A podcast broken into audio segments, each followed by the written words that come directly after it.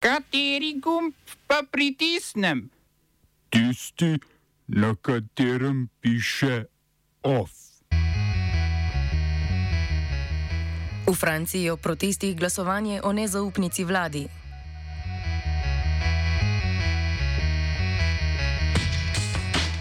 Na kazahstanskih parlamentarnih volitvah zmaga stranke predsednika Tokajeva.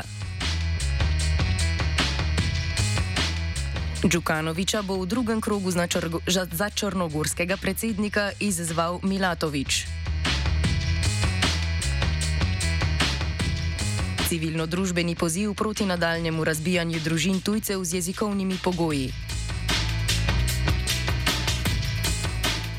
V prvem krogu predsedniških volitev v Črni Gori je slavil dosedanji predsednik Milo Djukanovič, ki je osvojil 35 odstotkov glasov.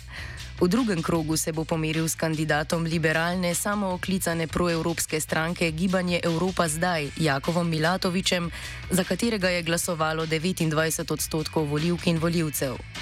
Gibanje Evropa zdaj je Djukanovičeve socialiste že premagalo na oktobrskih lokalnih volitvah v Podgorici. Za zmago v 4. aprilskem drugem krogu se bo moral Djukanovič močno potruditi, saj je podporo njegovemu protikandidatu napovedal tretje uvrščeni v prvem krogu Andrija Mandič iz stranke Nova Srpska demokracija. Prav tako je podporo Milatoviču napovedal četrto uvrščeni Aleksa Bečič iz stranke Demokratična Črna Gora. Vsi dosedanji predsedniki Črne Gore so sicer prihajali iz Demokratične stranke socialistov, ki ji predseduje Djukanovič. Predsedniške volitve so pomembne tudi v luči prihajajočih predčasnih parlamentarnih volitev. Minuli teden je Djukanovič kot predsednik namreč razpustil parlament in razpisal predčasne volitve za 11. junij.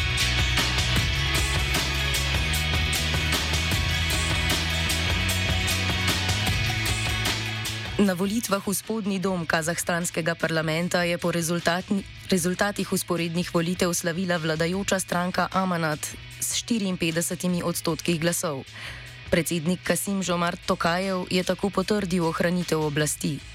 Tudi vse druge stranke, ki so se prebile v parlament, predsednika podpirajo. Prvič po dveh desetletjih je sicer opozicija na volitvah imela svoje kandidate. V Kazahstanu sta volitve kot zunanji opazovalki spremljali tudi svobodni ikoni Lucija Tacer in Mojca Šetinc Pašek, ki sta volitve označili za regularne. Tokajev je oblast prevzel leta 2019, ko ga je za naslednika izbral dolgoletni vladar Nursultan Nazarbajev. Tokajev je z ustav, ustavno reformo nekoliko spremenil strukturo oblasti in dal več pooblastil parlamentu. Tokratne volitve so prve parlamentarne po reformi, lanskega novembra je Tokajev že močno slavil na predsedniških volitvah.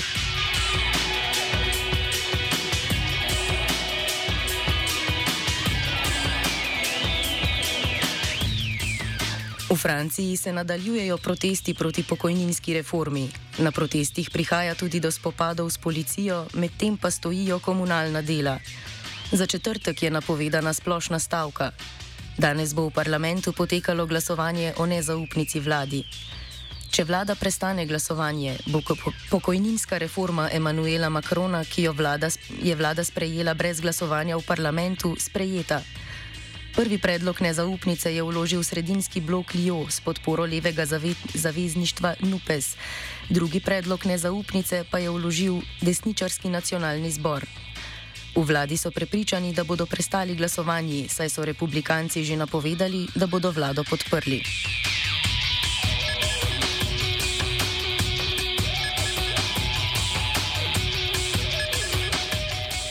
Največja švicarska banka UBS je sporočila, da bo kupila drugo največjo švicarsko banko Credit Suisse. Za njo bodo predvidoma odšteli dobre 3 milijarde evrov.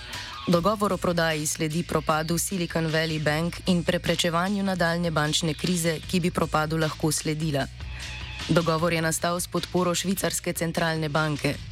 Potrebo po zagotavljanju likvidnosti so zaznale tudi centralne banke Kanade, Anglije, Japonske, Evropske unije in Švice, ki so napovedale koordiniran odziv in stalne dogovore o zagotavljanju likvidnosti proti ameriškemu dolarju. Za izboljšanje učinkovitosti menjalne tarife so se banke dogovorile za pogostejše operacije zapadlosti, ki so se prej izvajale na tedenski ravni, ponovem pa bo to potekalo dnevno. Prvi dan dnevnih operacij je že danes, banke pa jih bodo izvajale vsaj do konca aprila.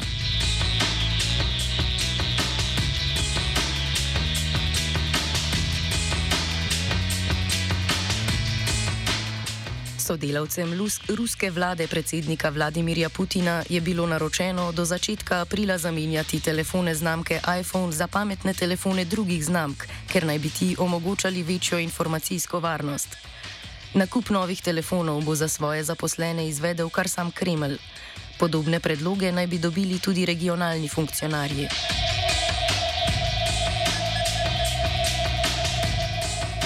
Britanska notranja ministrica Suela Braverman in ruanski minister za zunanje zadeve in mednarodno sodelovanje Vincent Biruta sta v ruanski predstolnici Kigali podpisala dopolnitev k memorandumu za zagotavljanje dogovora o azilnem partnerstvu.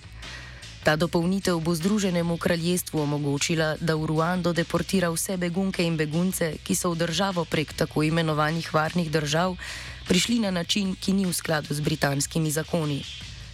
Prej je to veljalo le za tiste, ki so v državo prispeli po morju. Določba, določba vključuje tudi osebe, ki so bile žrtve sodobnega suženstva.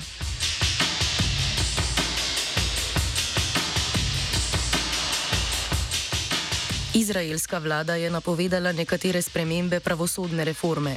Spremembe predlagane reforme vključujejo omejitev imenovanja vrhovnih sodnikov strani vlade na največ dva, ostale pa bi potrdi, moral potrditi vsaj en član opozicije in vsaj en sodnik.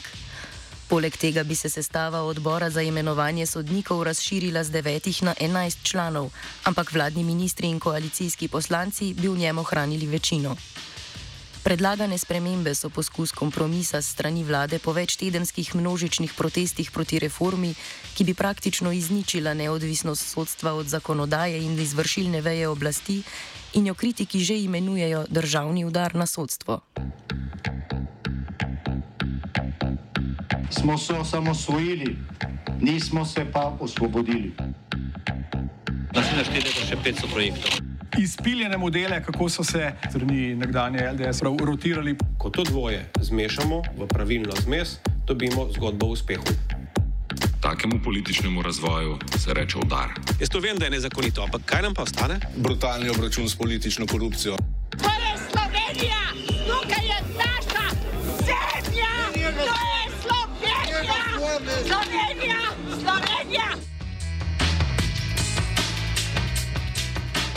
Civilno-družbeni organizaciji Infokolpa in kulturno društvo Gmajna sta v javnem pismu pozvali vlado naj iz predloga novele zakona o tujcih izključi zahtevo po opravljenem izpitu slovenskega jezika A1.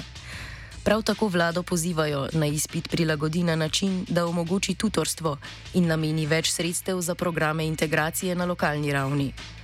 Po spremembi zakona, ki jo je državni zbor sprejel v času tretje Jančeve vlade, mora polnoletni pridruženi član gospodinstva ob podaljšanju bivanja po prvem letu življenja v Sloveniji opraviti jezikovni izpit na ravni A1. V primeru, da v prvem letu bivanja ta pogoj ni opravljen, oseba nima pravice podaljšanja svojega bivanja v Sloveniji.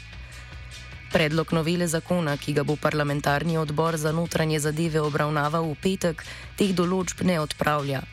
Katja Utroša v imenu Infokolpe in društva Gmajna pojasni, kaj je glavni problem trenutne ureditve.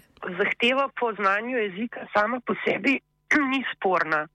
Sporen je način, po katerem se uveljavlja, uveljavlja ki je represiven in izključu, izključujoč. Kaj se bo recimo zgodilo z osebami, ki ne bodo upravile izpita na ravni A1 v enem letu? Ponavadi so pridruženi eh, člani ženske z majhnimi otroci. Jih bodo deportirali. Bomo zaradi tega pogoja ločevali družine. Ali pravica do družinskega življenja ne pretehta v teh primerjih? Ukrep targetira ženske in kaznuje zlasti tiste, ki živijo v zaprtih, patriarhalno organiziranih družinah ali izhajajo iz jezikovnih okoljih, eh, katerim je učenje teži zalogaj če imaš ti male otroke, mogoče celo več majhnih otrok, si kot uh, mamica v nekem novem okolju, v tujem okolju, teže najdeš ta čas, da se um, učiš nekega jezika, se to je popolnoma razumljivo. Ne? Torej obstaja nevarnost, da bo ukrep ženske še bolj usamil, da bodo tukaj živele brez dokumentov, ranljive, odvisne in v nehnem strahu pred prisilno deportacijo. Utroša opiše tudi postopek, ki človeka čaka, če izpita slovenskega jezika ne opravi. Mi že imamo primere ljudi, naprimer pridružene članice oseb s statusom begunca iz bližnjega vzhoda, kjer je materni jezik arabščina. Ti so bili zaradi tega, ker niso upravili um, jezikovnega izpita, izbrisani iz zavoda za zaposlovanje in tako se pravzaprav prične začarani krok izb, najprej te izbrišajo iz zavoda za zaposlovanje, potem te na podlagi tega izgubiš uh, socialno podporo oziroma če hočeš socialno podporo še naprej prejemati, se moraš posebej za to izpogajati na centru za socialno delo. Vsako nadaljno upravljanje spita je tudi plačljivo. Torej, nekdo, ki je že tako ali tako prejemnik uh, socialne pomoči, uh, in živi v najemu, eh, ker skoraj vsi tujci v Sloveniji živijo v najemu, uh, je potem to, da morajo plačati izpit, če ga prvič padejo, vsako naslednje upravljanje je plačljivo, po, povzroča znaten strošek za družinski proračun. Zdaj, kdo so ti ljudje, ki padajo te izpite? Ja, to so starejše osebe, ki so tukaj prišle kot eh, pridruženi člani begu, eh, beguncev, ljudem s statusom begunca iz Sirije, naprimer osebe, ki že v osnovi nimajo eh, visoke izobrazbe, imajo naprimer samo osnovno šolsko izobrazbo iz svoje matične domovine. In vemo, ne, starejši kot si, teže se naučiš nekega novega jezika. Ne. Begunski otroci Otroci tujcev se zelo hitro naučijo jezika. Sodniško društvo se pridružuje vsem ostalim poklicnim skupinam in poziva vlado naj nadaljuje z zakonodajnim postopkom za sprejem obljubljenih sodniških dodatkov v višini 600 evrov. Vladna koalicija je zakon za sodniški happy end prejšnji mesec umaknila iz procedure zaradi pomislekov o protiustavnosti takega predloga. Sodniško društvo se pri svoji zahtevi sklicuje na tako imenovano neutralno ekspertizo Inštituta za primerjalno pravo na Ljubljanski pravni fakulteti. V sodniškem društvu so prepričani, da je to trenutno edini ustrezen način za odpravo deprivilegiranega materialnega položaja sodnikov. OF je pripravil vajenec Matej, mentoriral je Blaž.